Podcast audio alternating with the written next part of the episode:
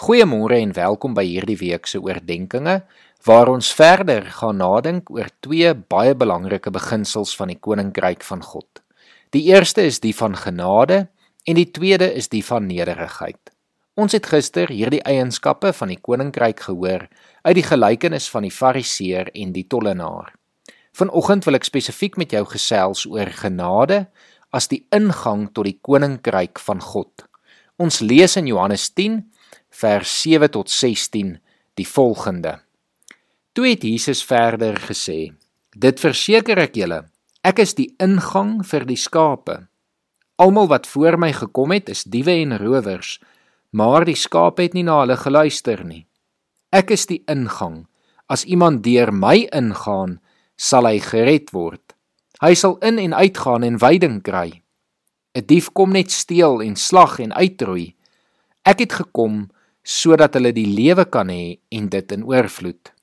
Ek is die goeie herder. Die goeie herder lê sy lewe af vir die skape.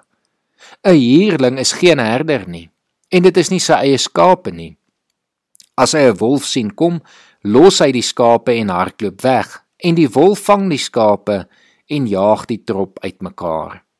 Hy is 'n huurling en bekommer hom nie oor die skape nie. Ek is die goeie herder. Ek ken my skape en my skape ken my, net soos die Vader my ken en ek die Vader ken. En ek lê my lewe af vir die skape. Ek het nog ander skape wat nie van hierdie kraal is nie. Ek moet hulle ook lei. Hulle sal na my stem luister en hulle sal een kudde wees met een herder.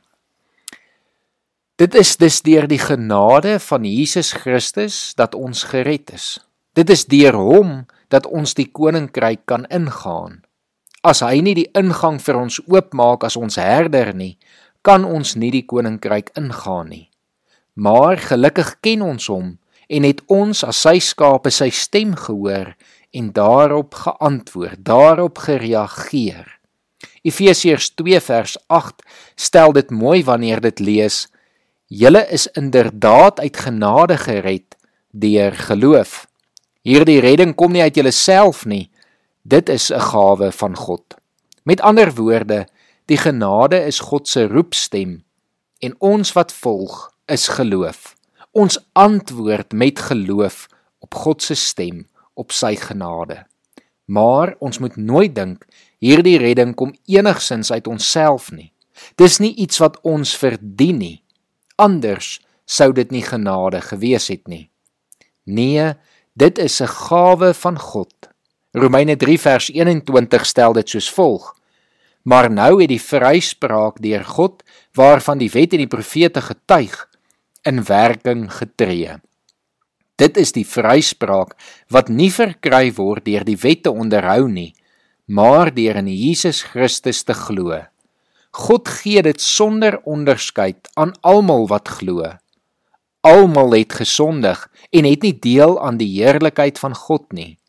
Maar hulle word sonder dat hulle dit verdien op grond van sy genade vrygespreek vanweë die verlossing deur Jesus Christus.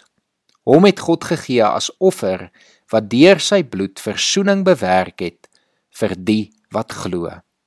Mag jy vandag opnuut besef dat Jesus Christus die ingang tot die koninkryk van God is en al hoe ek en jy dit kan binnegaan is as ons as sondaars op God se genade en nie op ons eie verdienste sal staat maak nie.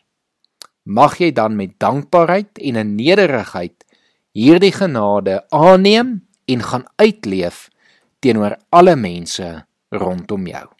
Kom ons bid saam. Here ons dank U vir die genade wat U vir ons gegee het. Here ons dank U dat dit nie gaan oor hoe goed ons moet wees nie, dat ons nie dit kan verdien nie, Here, want ons skiet ver te kort.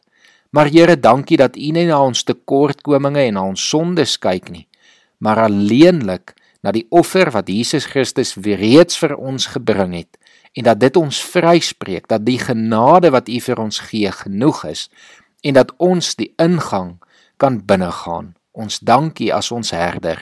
Ons loof U en ons prys U en ons doen dit alles in Jesus Christus se naam alleen. Amen.